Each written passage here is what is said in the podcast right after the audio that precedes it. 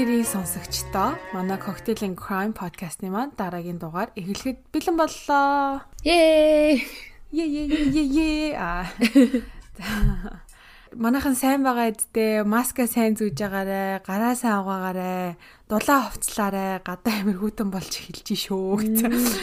Тэгээд сонин сайхан сахилгааж юу вэ? 7 хоног яриаггүй сансан байна. За тэгээ өнөөдрийн дугаараар манай Дөкө коктейл хийнгээ crime ярих байгаа. Анхааруулга өгье. Дугаар эхлэхээс өмнө манай подкаст насны хүрэгчдэд зориулсан бөгөөд болсон гэмт хэргийн тухай детальчилж ярих учир ямарваа нэгэн зүйлээс юу н айдаг, цус нүднээс айдаг, эвгүй юмнаас айж зүүдэлдэг хүмүүс ахын бол эрсдлээ өөртөө дагаад сонсцоогоорой. За тэгээд Дөкө коктейлийнхаа тухай яриа crime-д орох уу? За тий.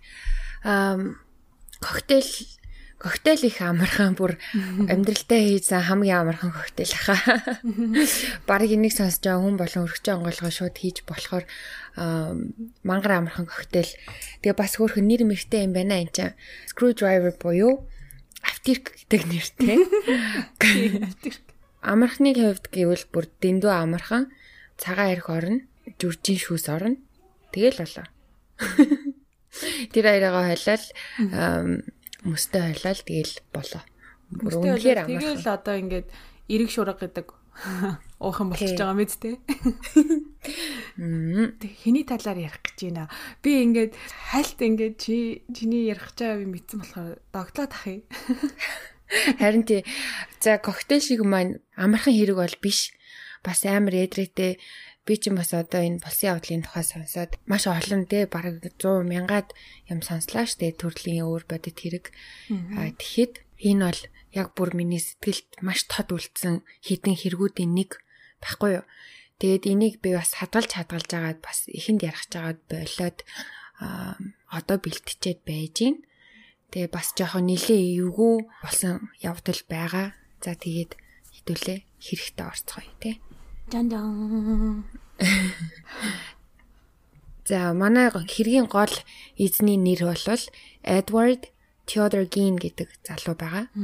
Аа тэгээд одооноос хойш Edward-ийн товчлоод Ed гэж яриавчи. 1906 оны 8 сарын 27-нд Wisconsin мужийн Lacrosse гэдэг хотод төрж өссөн. Аавыг нь болохоор George Gein, ээж нь болохоор Augusta Gein, ахыг нь Henry Gein гэд ингээд ам бүл дөрүүлээ амьдардаг гэжээ. За аав нь болохоор ерөөхдөө нилээ арх уудаг, гэр бүлээ хүчрхийлдэг. Ер нь бол яг нэг төрлийн ажиллаа хийж үзээгүй дандаа юм янз янз жижиг сажиг ажил эн тент хийж явдаг. Тэгээд ерөөсөө нэг ажилдаа тэгж удаан тогтдгүй байсан хүн гинэ. А тийм болоод ч тэр үе ер нь эхнэр нь Жоржиг ер нь амар үзий яддаг энэ мөө өстө хинт чирэггүй те бидний амьдралд хэрэггүй гай болдог гэж амтан гэж боддог. Тэгээ гэр бүлийн харилцаа уур амьсгал ерөөхдөө маш муу байсан юм шиг байгаа. Угаасаа ямар ойлгох бах те аав нь архиа уугаад ээж нь аавыг нүүлээ ошоогоод ээж нь хамаг ямаа зохицуулдаг байсан юм шиг байна. За тэгээ дөрүүлээ лакрост амьдардаг байжгаад эдик 8 настай болох үед Plainfield гэдэг хот руу нүүдэг. Тухайн үед бол тэр хотын хүн амын тоо 700 ч хүрэхгүй байсан гэж аахгүй тэр Plainfield-ийн. Тэгэхээр асар жижигхэн тосхон байсан байгаа.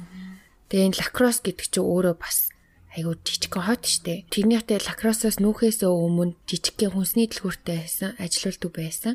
Тэгээд тэрийгэ зараад Plainfield-д очихдоо маш том тийм 155 акр газар тийм farm house бариад нүүрсэн байгаа хгүй.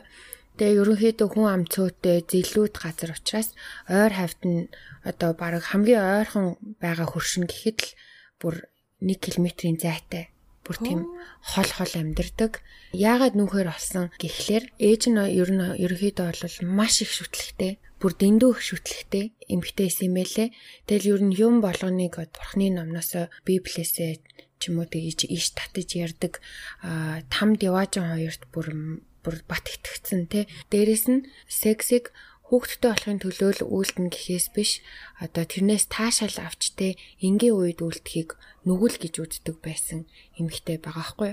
Тэгээ тэрийгээ ч ер нь хоёр хүүдээ хар багаас нь бүр ингээд тархинд нь ингээд маш хатуу одоо анхааруулж те хэлж өгдөг байсан. Тэгээ ерөөхдөө бол тийм оюун ухааны хувьд цаа ирүүл хүн байгаагүй юм шиг байгаа. Тэгээ дээрэс нь одоо нөхөр нь архигаа дарамтлаад гэр орондоо одоо оролцоо муутай байсан учраас хамаг юм өөрөө авч явдаг. Тэгээд ер нь бүхнийг өөрийнхөөрөө хийсээр ирсэн юм бэлээ. Тэгээ хүүхдүүдээ бол маш ихээр одоо номлодог байсан гэсэн шүү дээ.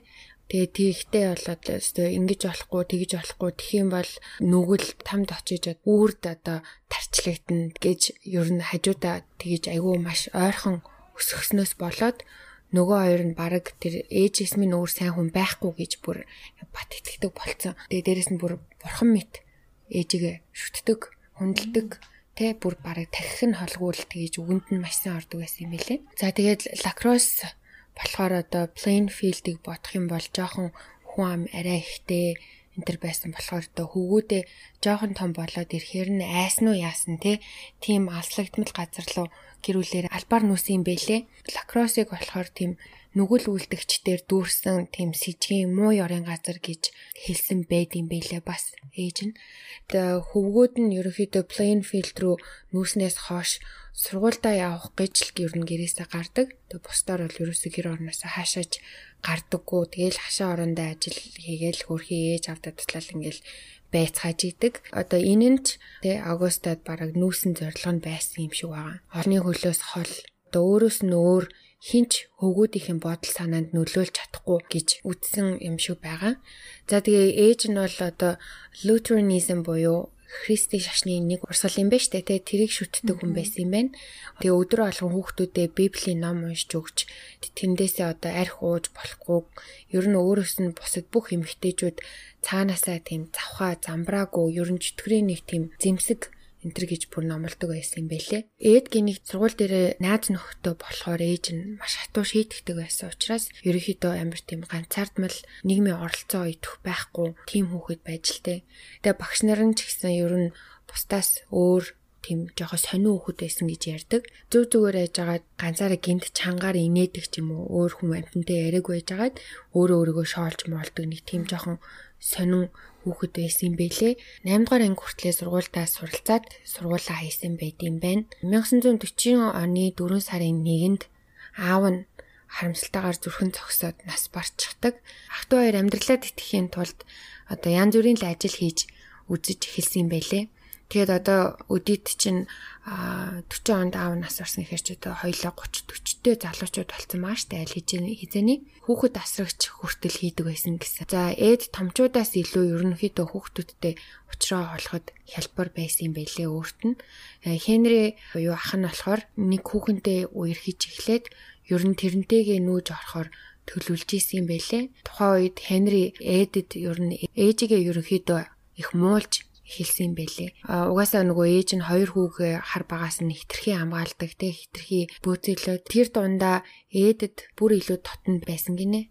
Тэгээ Хенри хаяа тэр хоёр ер нь яагаад байгаа юм болоо энэ төр гэж хүртэл гайхдаг нэг тийм сонин ямар нэг өөр харилцаа юм биш үсттэй энэ төр гэж бодол төрүүлэхүүц үй үй нэг сонин сонин үйлдэлүүд болдог байсан юм шиг байгаа. Тэгээд ер нь л ээдэд ээжигээ муулаад байсан юм бэлээ тухайн үед. За тэгэж явж байгаа 1944 онд тэр хоёр хашаанда юм хийж агаад гал алдаад тэгээд гал команд ирээд арай гэж нэг юм унтрааж дуусаад явцгаасны дараа ээд ахыгаа олохгүй байх гэж дуудлага өгдөг. За энэ үед бол орой олчихсан байсан учраас цагдаа нар ирээд гарч идэнтэй хайгуул хийж эхэлсэн. Тэгээд удалгүй Хенригийн цогцыг доошоо харсан байдалтайгаар олдог. Нас ороод хэсэг хугацаа өнгөрсөн За нэг нэг 2 цагийн өмнө биш нэлээд хэдэн цагийн өмнө ч юм уу нас орсон байна гэж дүгнэлт гарсан. Тэгээ ерөөсөө түлэгдээгүй ямар ч тийм түлэгдсэн тэ одоо түлэгдэж үхсэн галлаас олж үхсэн тийм янз бүрийн марк бол байгаагүй шинж тэмдэг бол байгаагүй. Дээрээс нь тэр цогтс олцсон газар ерөөс ямар ч гал хүрээгүй байсан. Тэгээ тухайн үед зүрх нь хаагдсан байна гэд цааш нь задланд оруулаагүй юм бэлээ тэгээ сүүлд Harold Schechter гэдэг Америкийн гимт хэргийн ялангуяа тийм цуврал алуурчдын тухай судалж бичдэг профессорын бичснэр бол Хенригийн цогц толгойн тус газраа тийм хөхөрсөн байсан гэдгийг бичсэн байсан. Тэгээ ер нь бол хүмүүсийн яриагаар бол ээд ахыгаа алсан байх магадaltaй гэж ярьдсан байлээ. Зарим нэгэн артикл дээр цагдаа нар ирээд ахыгаа ингээ олохгүй байх гэж дуудлага өгсөн шүү дээ. Тэгсэн мөртлөөсөө ингээд цагдаа нарыг ирэхэд баг өөрөө шууд цогцсон дээр нь дагуул очсон энтер гэж битсэн байт юм бэлээ. Тэгэхээр одоо ээд үнэхээр өөрөө ахыгаа нөгөө нэг ээжийг нь муулаад ахаар нь алдсан ч юм уу эсвэл үнэхээр галны удаанаас нь болоод хордож нас орсон юм уу үнэхээр мэдхгүй гадны нөлөөтэй гэсэн ямар ч тийм тогтоосон аль биесны байдгүй юм бэлээ. Хенриг өнгөрсний дараа ээж нь цус харавдаг. Ээд мэдээж ээжигээ асрах гэж бүхэл юмаа зориулж исэн. 1945 онд нэг удаа ээд ээжтэйгээ хурших өсөө нэг юм авах гээд очисон байна л да. Тэгсэн чинь тэр хурс залуу нь гадаа нэг нохоогоо зодоод бүр ингээд нүдэн дээр нь зоцоор байгаа бүр нохоогоо алдсан гинэ. Тэгэж зодож байгаа оронд нь гэрээс нь нэг хүүхэн гарч ирээд хүүе болооч энтрийг ойрлсон юм байна л да. Тэгсэн чинь тэр үйл явдал ерөөхдөө ээжийнхээ сэтгэл санааг бүр амар тэгэж тавгуу түлээд юм уу амар нэлээд ууралсан бэлээ. Тэгээд ер нь ингээд савлуулаа хийцэн.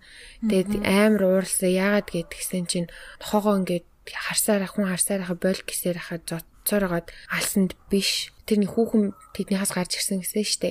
Тэсэн тэр хүүхэнд маш их ууралж амар зэвүүцсэн байсан гинэ. Тэгээд яасан гэсэн чинь тэр эхнэр нь биш байсан юм байлээ. Энэ одоо эхнэр нь биш юм байж иж эднийд ингэж байх ямар ч ирэх байхгүй муу завхаа им мэм хөршиг нэрийг Смит гэдэг байсан юм л да. Смитийн янхан энтергээ бүр амар зүгсэн гинэ. Тэгээд ямар ч одоо тэр Смиттэй бол ээж нь ямар ч янаг амгийн харилцаа байхгүй хайр сэтгэл байхгүй зүгээр л хөршөө хөршөө хувьд хөрш аа нөгөө нэг үзэл бодол сэтгэл үнэмшлээсээ болоод одоо нөгөө гэрлээгүй ажиж эрэхтэн үний гэрт байлаа гэдэг нь бүр тэгтлэн зэвүүг нь хүргэсэн байхгүй айгуу сонио. Тэгэж амар ууралсан гэд тэр үйл явдлыг эд дурсдсан бэлээ. Яг тэр явдлаас хойш удалгүй 45 оны 12 сарын 29-нд ээж нь дахиж харваад тэгээд нас орчдөг. За тэгээд мэдээж ээжийнх нь үхэл ээдэд угаасаа ямар хэцүү хүнд цохилт болсныг мэдээж ярина. Одоо би хилээд чирэггүй болчлаа штэ. Өнгөөс мамис бой байсан ээжтэй үнэхээр хайртай байсан. Тэгээ маш их шоконд орсон. Өдөө дүүч хурж байгаа ирж гисэндээ одоо насан туршдаа ээжээс нь өөр ямар ч найз байгаагүй. Бүхнийг тэгэл ээжийнхээ үгээр хийдэг байсан те тийм хүн чи одоо очлон дээр ингээд цор ганцаар үлдчихэж байгаа хгүй ядаж аханж байхгүй. Ээжигээ нас орсны дараа маш том газар тийм том хаусанда гав ганцаараа үлддэг. Ээжийнхээ өрөөг болон ер нь одоо ээжийнх нь ихээр одоо цагийг өнгөрөөдөг байсан хэд өгрөөг тэр чигээр нь ингэж тэгээ ээжийнхээ үлдээснээр хатгалахын тулд бүх хаалга малгануудыг хаагаад ингээ модоор хатаад ингээ бүр бандтаад хаасан юм бэлээ. Тэгээ өөрөө болохоор зөвхөн галтгооныхоо хажуудах тийм жижигхэн өрөөнд амьдраад тэгээ бусад тэр үлцэн өрөөнүүд нь ерөнхийдөө нэг тийм хаягдцсан гэх юм уу те амар тийм аимшиг нохоо ороо шиг байдаг гэсэн юм лээ. Тэгээд ерөнхийдөө бол янз бүрийн ажил хаяадаа хийж зардал мөнгөө төлчөөд тэгээд ер нь бол гэртээ маш их цагийг өнгөрөөдөг, маш их ном сэтгүүл уншдаг болсон юм байлээ. Тэгээ ялангуяа тэр уншдаг ном сэтгүүл нь юу байсан гэхээр cannibal-ийн тухай буюу одоо хүний мах идэгчдийн тухай болон нацистуудын тухай айгүй их юм уншдаг байсан гинэ. Тэгээ дээрэс нь айгүй тийм ангаа ухааны болон анатомийн ном ном уншдаг байсан гэсэн. За тэгээд 1957 оны 11 сарын 16-нд барилгын материалын дэлгүүрийн эзэн Bernice Warden гэдэг 58 настай эмэгтэй алга болдог байгаа. Тэгээ өдөржин дэлгүүр нь онгоосонгүй. Тэгээд машин нь болохоор өглөөний 9 цаг 30 минутын үед хөдлөөд явсан гэсэн тийм мэдээлэл тэр хавийнхан өгдөг байхгүй юу. Тэр алга болсон Bernice-ийн хүн Frank Warden гэдэг цагдаа байсан. Тэр хүн орой 5 цагийн үед ээжхийн дэлгүүр дээр ирээд онгойлгоо орсон чинь кас нь онгорхоо шалан дээр нь цус байсан гинэ. Франк тэгээд мөрдөн байцаагч нарт хэлэхдээ хамгийн сүүлд Эдгийн өчгтөр орой ирээд явсан. Тэгээд тэгхдээ би маргааш өглөө буцаж ирээд антифриз буюу одоо нөгөө үл хөлдөгч шингэн авнаа гэд явсан. Ээжийг алга болохоос яг өмнөхөн нэг галлон үл хөлдөгч зарсан тийм рецепт одоо баримт байна гэж хэлдэг аахгүй. Тэгээ тэр өдөртөө тэд нар шууд угаасаа хамгийн сүүлд тэр хүүхнийг харсан хүн бол Эдгийн болж таарлаа гэж үзээд Эдгиний хайсан чинь хүнсний дэлгүүрт явж идэг.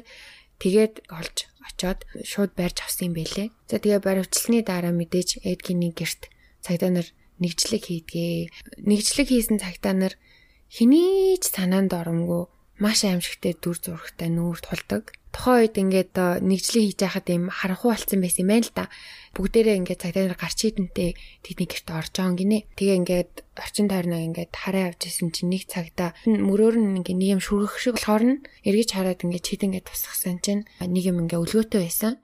Тэр нь болохоор ингээ анхандаа хальт харахад бууг байна гэж бодсон. Боловч харамсалтай нь тэр нь бууг биш хүн байсан. Тэр хүн яг ямар байдалтай өлгөөтэй байсан гэхлээр хоёр хөлийг нь ингээд төмөрөнд олсоор уйцсан заяо. Хөндлөнгөө одоо юм хөндлөн төмөрөнд. За тэгээд тэрийгээ ингээ таазнаас өлгөгцөн тэр төмрөө. Тэгэхээр одоо тэр хүн чинь хоёр шагаагаараа ингээ доошоо харсан байдалтай унтцсан байна гэж бодсон шүү дээ тий. Тэгэнгүүтээ гарын бас олсоор боогонгуудаа хөлнийх нь тийшээ ингээд ус татаад дээш нь сойцсон гэх юм уу да. Тэгэхээр одоо гар нь доошоо унчихгүй хоёр хөлийг нь алцаалгацсан. Хамгийн амар нь нөгөө эмзэг хэрэгтнээс нь ихсүүлээд цээж хүртэл нь нефт ингээ огтлцсон байсан. Тэгээ дотроос нь угаасаа доторх эргэтнүүдийг нь аваад бас болоогүй толгойг нь тасалсан байсан гинэ. Тэгэхээр одоо ерөөсөө тийм толгойгүй алцаагаараа ингээд задарчихсан дотор эргэтэнгүү нэг тийм аимшигын хүний цогцос үлгөөтэй байсан. За тэгээ цааш нь нэгжлэг хийж яваад Бернисийн тасарсан толгойг нь олдог. Үхлийн шалтгаан бол толгойндоо бууд уснаас болсныг тогтоосон. Одоо тэгэхээр бусад энэ амьд зэрлэг үйл явдал нь нас болсныхын дараа нь болсон юм билэ бурхан минь гэж тэдний хаас нэгжлийн үед бүр хэний ч санаанд оронгүй маш аимшигтай тий бүр амар юмнууд олцсон байгаа хгүй юу. Тэгээ юу гэхээр одоо хүний яснууд хүний арьсаар хийсэн хогийн сав хүний арьсаар хийсэн хийсэн тийм бүрээстэй сандалнууд одоо сандлыг ингээд хүний арьсаар бүрчгсэн.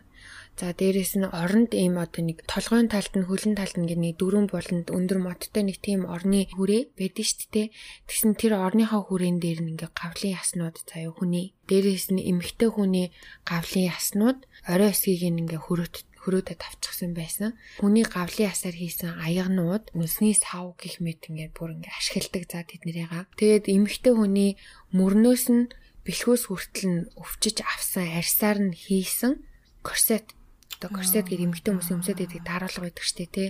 Бүслэгийн авааны тийм даруулга.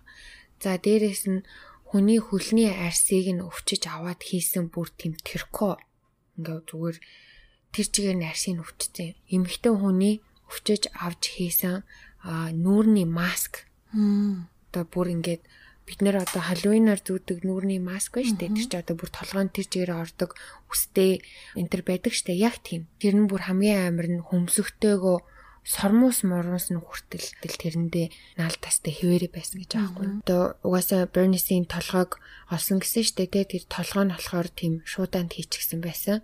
За тэгээд нөгөө нэг аимшигын бүр хөглөрсөн амар галтгооноос нь Бернисийн зүрх нь олцсон.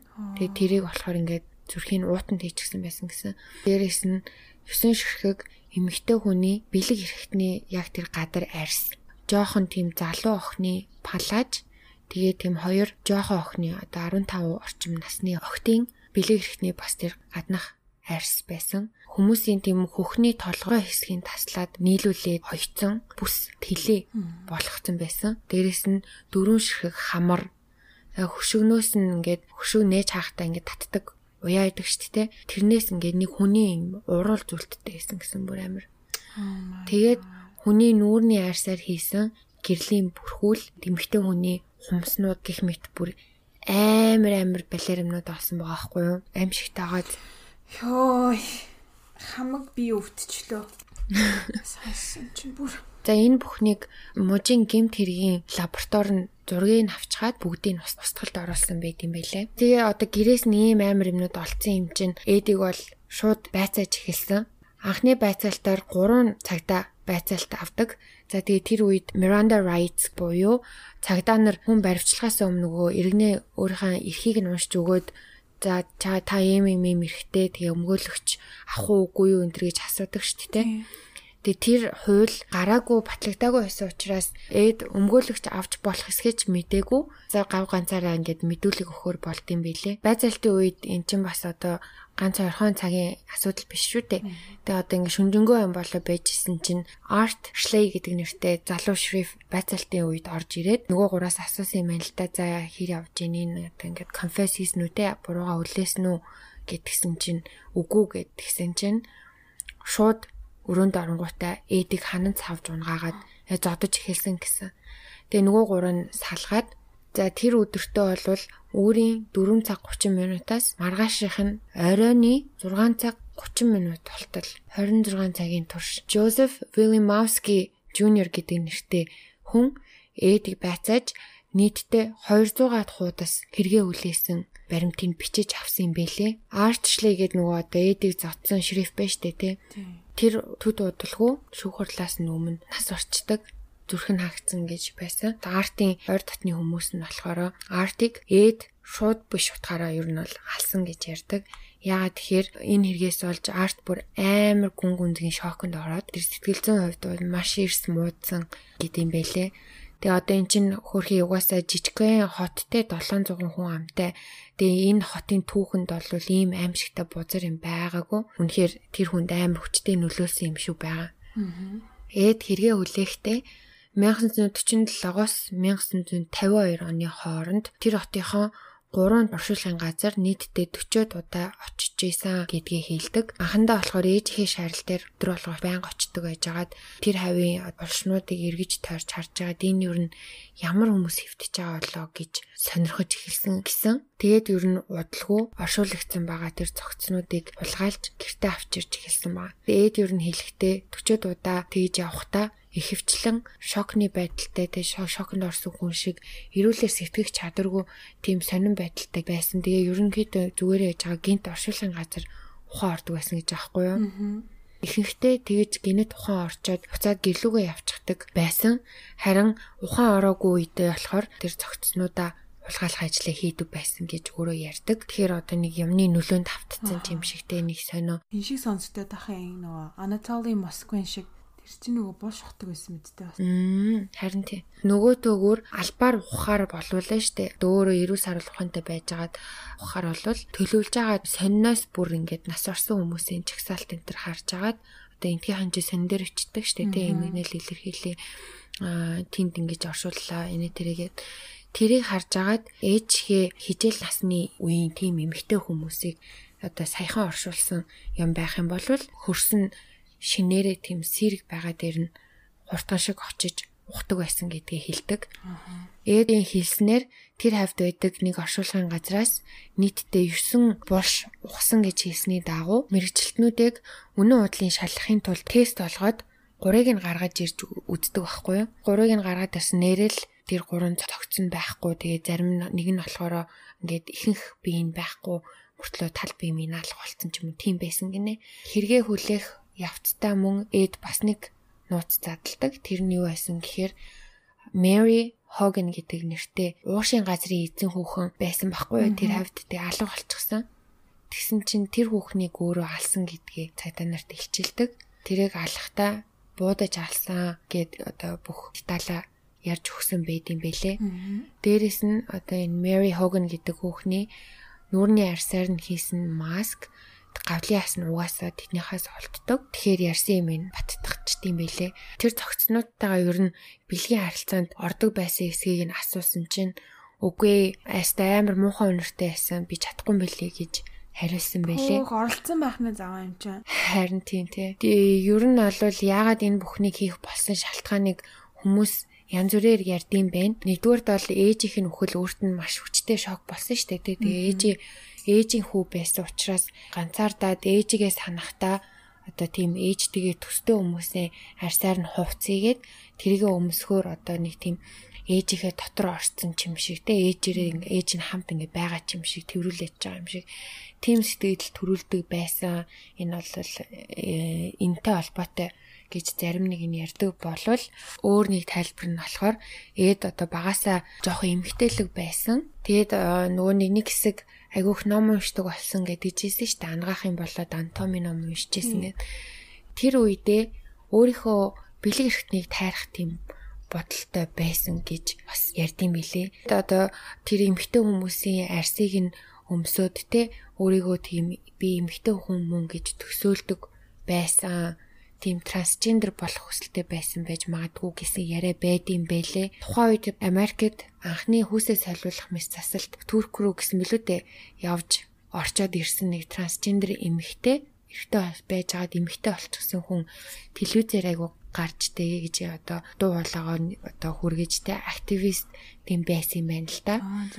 Тэгээ тэр мэрийг үзээд ч юм уу тэр нөлөөсөн байж болцшгүй гэсэн яриа байд юм байлаа. Тэгэхээр за 1957 оны 11 сарын 21-нд дуудлагууд дээр шүүх хурал нь болоод сэтгцийн өвчтөй учраас ер нь бол би буруугүй гэсэн байр суурьтай байсан. Түүхийн явцад үнэхээр эрүүл биш.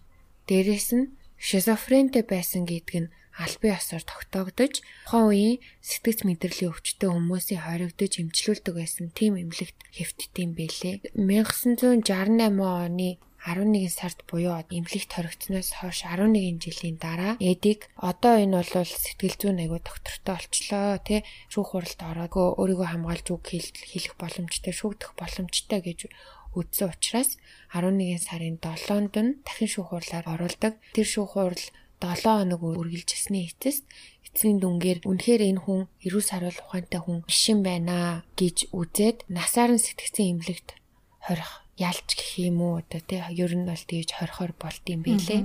Эди одоо аав ээжээс нүглэгдэж ирсэн нөгөө нэг том хаус амар идэлэн газар тэл дээрээс нөгөө ахын нэр дээр байсан аа өглөгдөж ирсэн газар энэ төр байгаа шүү дээ.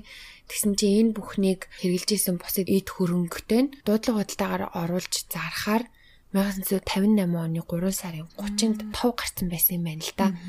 Гисэн боловч тэр байшин нь яг тэр дуудлага худалдааны өмнөх нь тэр чигтээ бүр ингээ газартаагаа тэгшэртлээ галж чатдаг. За тэгээ санаатаагаар ер нь тавьсан гал гэж сэжгэлдэг ч гэсэндээ албан ёсны тийм шийдвэр гарч те хин нэг нэг одоо хариуцлага тооцоогүй юм байлээ. Тэгэхээр үнэхээр хүний санаатай хийсэн гал уугүй гэдгийг л тэхгүй. Одоо хаус тэгээд хөрөнгө нь шатсан тухай өөрт нь ээдэд дуулгасан юм байна л да. Тэгсэн чи ингээ ерөөсө тоохгүй мөрөө авчингуутай. Одоо тэг яах вэ? Ухааны юм хэлсэн гэсэн. Тэгээд тэр хавийнхын ер нь ээдийн угаасаа хэрэг босноос хойш юусэн амар тайван байж чадаагүй өөр мужаас байтугай те дэлхийн өнцөг булан бүрээс янз бүрийн сэтгүүлчд ирж тэр хавийн зураг үргийг аваад адгина захын эдийн байшингийн зургийг аваад те тэгэл тэр амьдарч исэн хавийн зургийг аваад хуршүүдээс нь маш их ярилцлага авдаг байсан. Тэгэл ер нь тэр муу жижигхэн тасхны бүр таарлцсан үнээсээ л зүгээр дуудаал те. Өө эд гинийг таньдаг байсан уу ямар хүн байсан бэ? Энэ тэрийг л байнга тэгж зовоодаг байсан гинэ. Тэгээ дээрээс нь хэрэг дуртай хэрэг очногноод ш чи битэр бид нар шиг. Тийм хүмүүс тийм хүмүүс очиж ер нь ингэж хаусыг нь үзээд хэрэг дурлаа те цонх мохоор нь ингэж шагааж харж мараад аюу ядаргаатай байсан гинэ хэрэг хошнооч яасан тийм л үсттэй хэрэг дурлал ингээл сонсгон сонсоол хоёлаа яриа сууж штэ гэж. Тэгээ за ер нь амар зовлонтой байсан Угаасаа тэгээ дуудлага худалдаагаар хин нэгэн авсан бол тэрийг үзэр үйлчлэгээний газар болгоо буцаа мөнгө олох байсан бах гэж одоо бодоод тэгээ тэр тэр авийн хүмүүс нь албаар шатаасан байж магадгүй гэсэн бас тийм яриа байдсан бэлээ. Эдийн 1949 оны Ford брендийн суудлын автомашинтай байсан юм байна л да. Тэр одоо хамаг цогцсон могцоо зөөдөг байсан те одоо хамаг балиар ямиг үтсэн тэр машиныг Бани Гиббенс гэдэг хүн дуудлага худалдаагаар аваад угаасаа яг үзүр болгосон гэж аахгүй юу. Хүний 25 цент төлөөд тэр машиныг ингэж очиж үзэж болдог. За тэгэж авч агаад 1984 оны 7 сарын 26-нд буюу 77 наснда Эд эмнэлэгт байхдаа нас орсон. Угаасаа ууршигны хорт тавтартай байжгаад амьсгал хурааж нас орсон бэлээ. Бас нэг сонирхолтой юм нь Эдийн буршны чулууг хүмүүс айгүй хин тэндээс ирж ирэмгүүдийн ингэж имтэлж хутлаад өөртөө ингээ билет урсгал болгоод ч юм уу те сүнээр болгож өөртөндөө авдаг байсан. Тэгээ ингээ буршны чулууныхаа нэг зураг нь нэлээ. Ингээ бүр дөрөв талаасаа дөрүлэн ингээ бүр хатцсан юм шиг ингээ тэндээсээ имтэрсэн. Тэгэж авдаг байжгаад 2000 онд булшныхын чулуу нь бүр тэр чигтээ алга болоод дараа жил нь хаа байсан бүр Сиэтл хотоос олдоод тэгээ цагдаа нар өөрсдийн мэдлэлтэй авч одоо хүртэл хадгалсан байт юм бэлээ. Одоо болтол угаасаа булшин дээр нь дахиж шинээр чулуу хаваагүй. Одоо хичнээн булшин дээр нь чулуу байхгүй ч гэсэндээ булшилсан газар нь угаасаа тодорхой байдаг. Яагаад тэгэхээр аав ээж ахтай нь хамт оршуулсан гинэ. За тийм болохоор одоо чулуугүй ч гэсэнтэй тэр хоёроор нь баримжаалаад очих боломжтой юм байна лээ. Очиж үзэх үү? Үгүй. За одоо угаасаа тэгээд манайха баг Эдгиний тухай сонсч исэн бол бүгдээрээ мэдж байгаа ах тий. Эд ч одоо Холливуудад маш алтартай болсон шүү дээ. Эдээс сэтүүлсэн тий маш олон ном, кино, тэгээ бүр киноны дөрүүд ялангуяа маш их байдаг. Тэгээ тэд нар маш их алтартай тий. Тэрнээс дуртахад манайхан киног асуугаад идэв чи яг нэг хидийг бидний одоо хамгийн сайн мэдих хидийг хэлэхэд 60 онд Psycho гэдэг кино байгаа.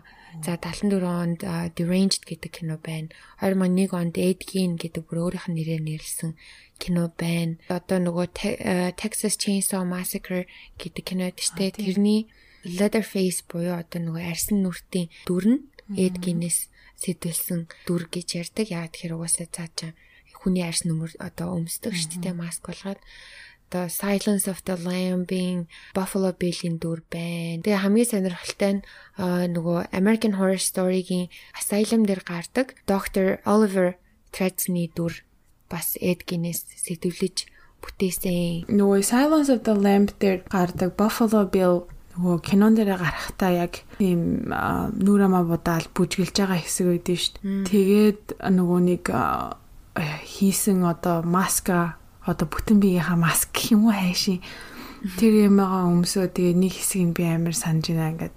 Нөгөө нэг эмзэг эрэхтнээ ингээд цаашаа нуугаад айгаа бол тэрийг тэрийг яг нөгөө саяны хэрэгдээ ярьжсэн трансгендер болохыг бас хүсэжсэн юм уу тэрнээс нь сэтэлсэн юм шиг байна те одоо сонссон чинь. Тий.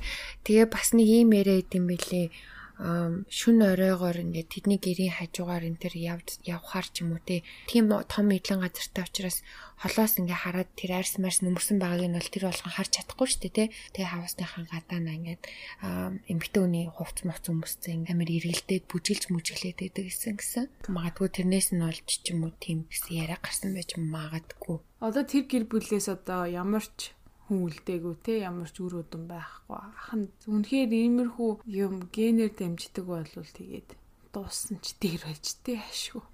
Ашгүй нэг юм зогссон байна гэж.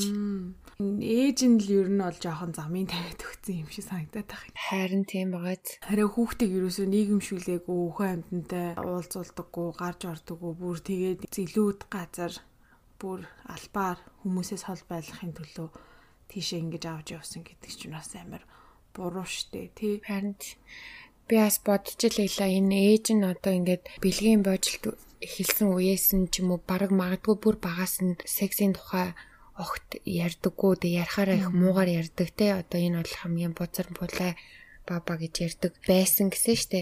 Тэгэд ер нь ингээд өөр хэрэгүүдийг ч гэсэн үдчих хаад багасаа одоо энэ бэлгийн боловсралгүй мэдээж одоо бэлгийн божилт явагдаад нэг хэсэг одоо эвгүүтдэг штэ. Тэрийг ингээд чөлөөтэй найз нөхөдтэйгөө ядаж ярилцчих юм уу те. Нэг тийм чөлөөтэй тийм бэлгийн боловсрал авч чадахгүй байх үед хүн ингээд тэрийг яаж гадагшлуулахаа мэдэхгүй одоо тэр дур хүслээ.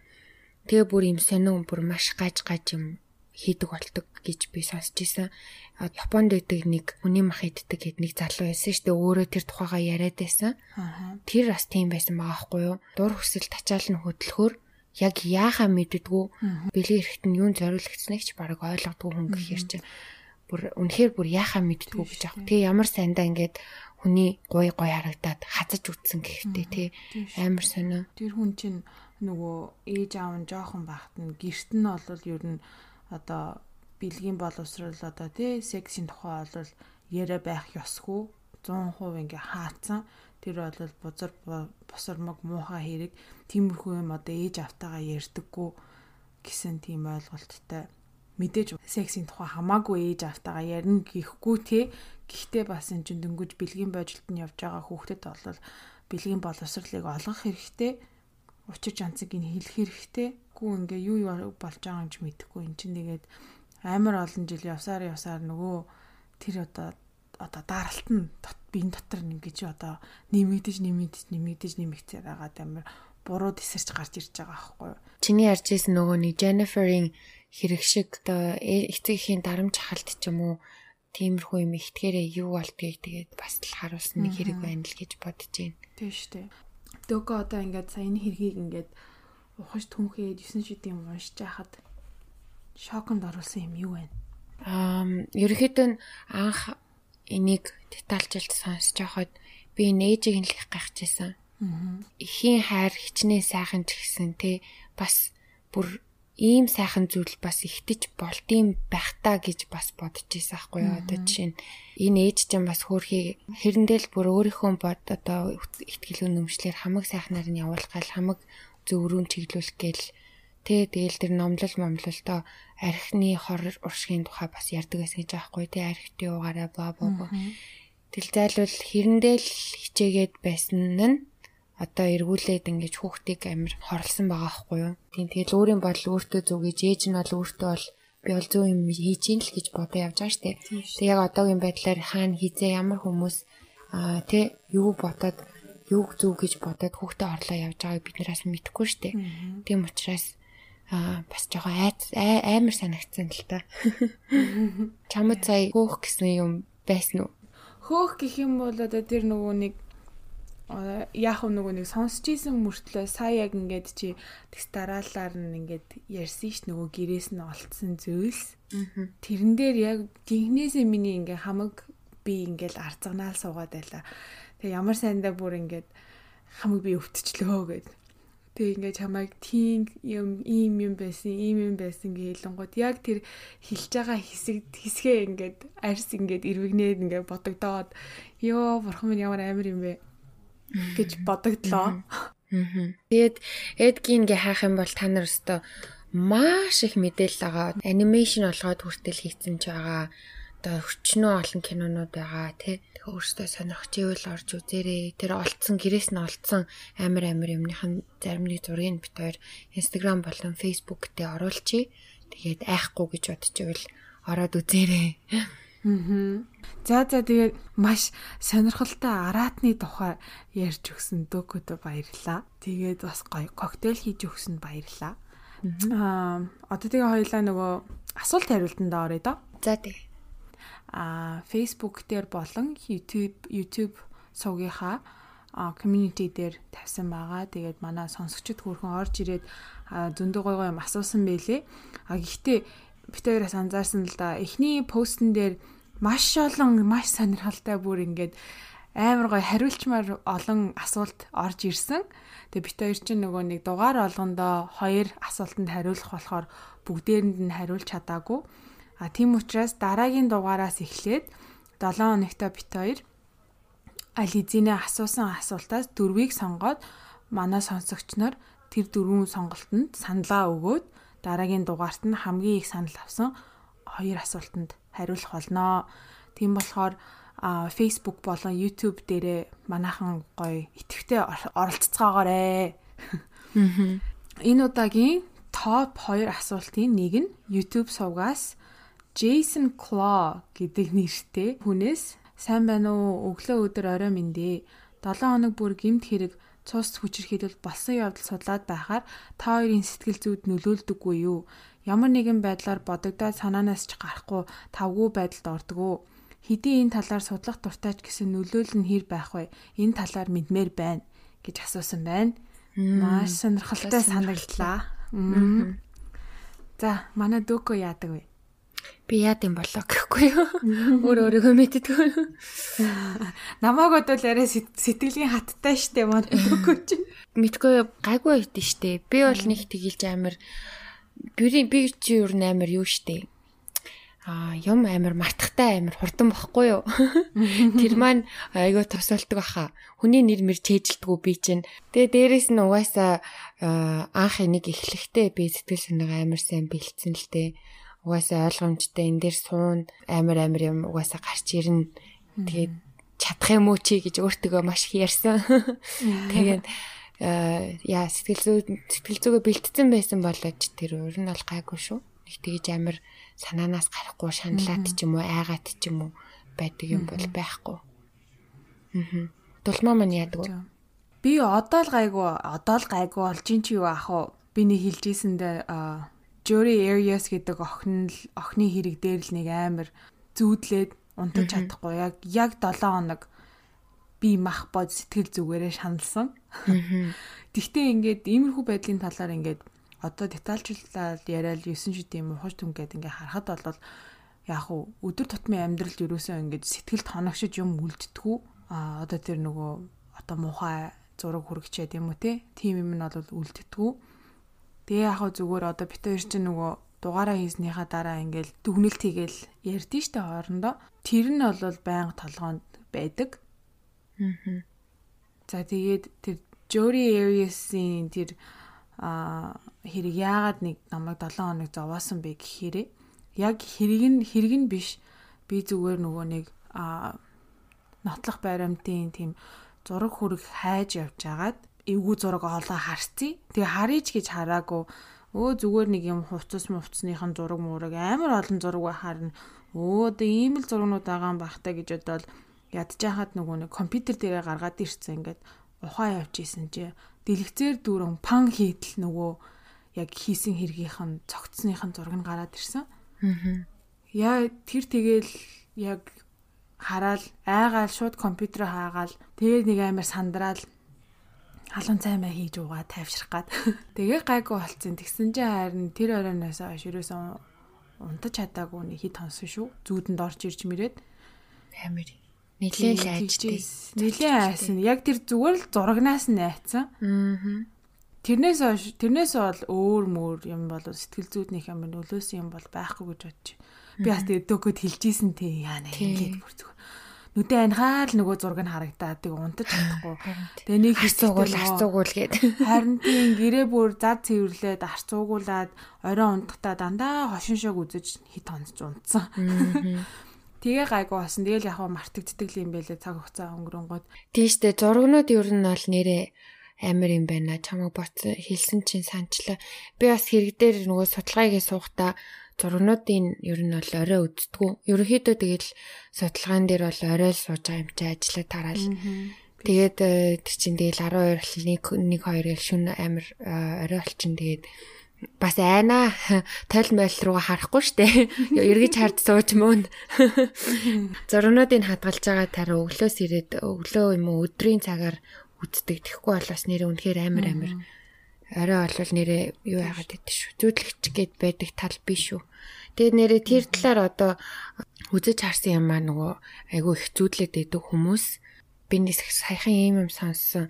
Одоо зүүдэ манахын тулд штэ унтахаасаа өмнө юу зүтэлмээр байгаа тухайга маш их бодоод төсөөлөөд нүдэндээ харагдтал одоо төсөөлөө те утас муцаа ерөөсөө үзэж харахгүй байжгаад тэгээд төсөөлж жагаад унтдаг. Тэгэхээр тэрийг ингээд зүүдлэх магадлал маш өндөр байдаг гинэ. Тэгэхээр одоо унтахаасаа өмнө хэрвээ аимшиг юм үзэж амтах юм бол мэдээж аимшиг юм зүүдлэх одоо магадлал өндөр болчих штэ тий.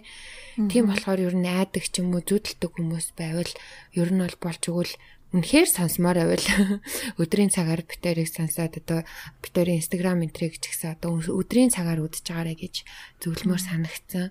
Тэгэхгүй бол нэрээ орой тэгээ зүүдлээд байвал үнэхээр хэцүү дарамттай шүү дээ тий. За дараагийн асуулт нь манай Facebook дээр ирсэн асуулт байна. А манай топ фанаас ирчээ. А Меги Меги MVP Мм. Меги Меги маань угаасаа MVP шүү аргагүй.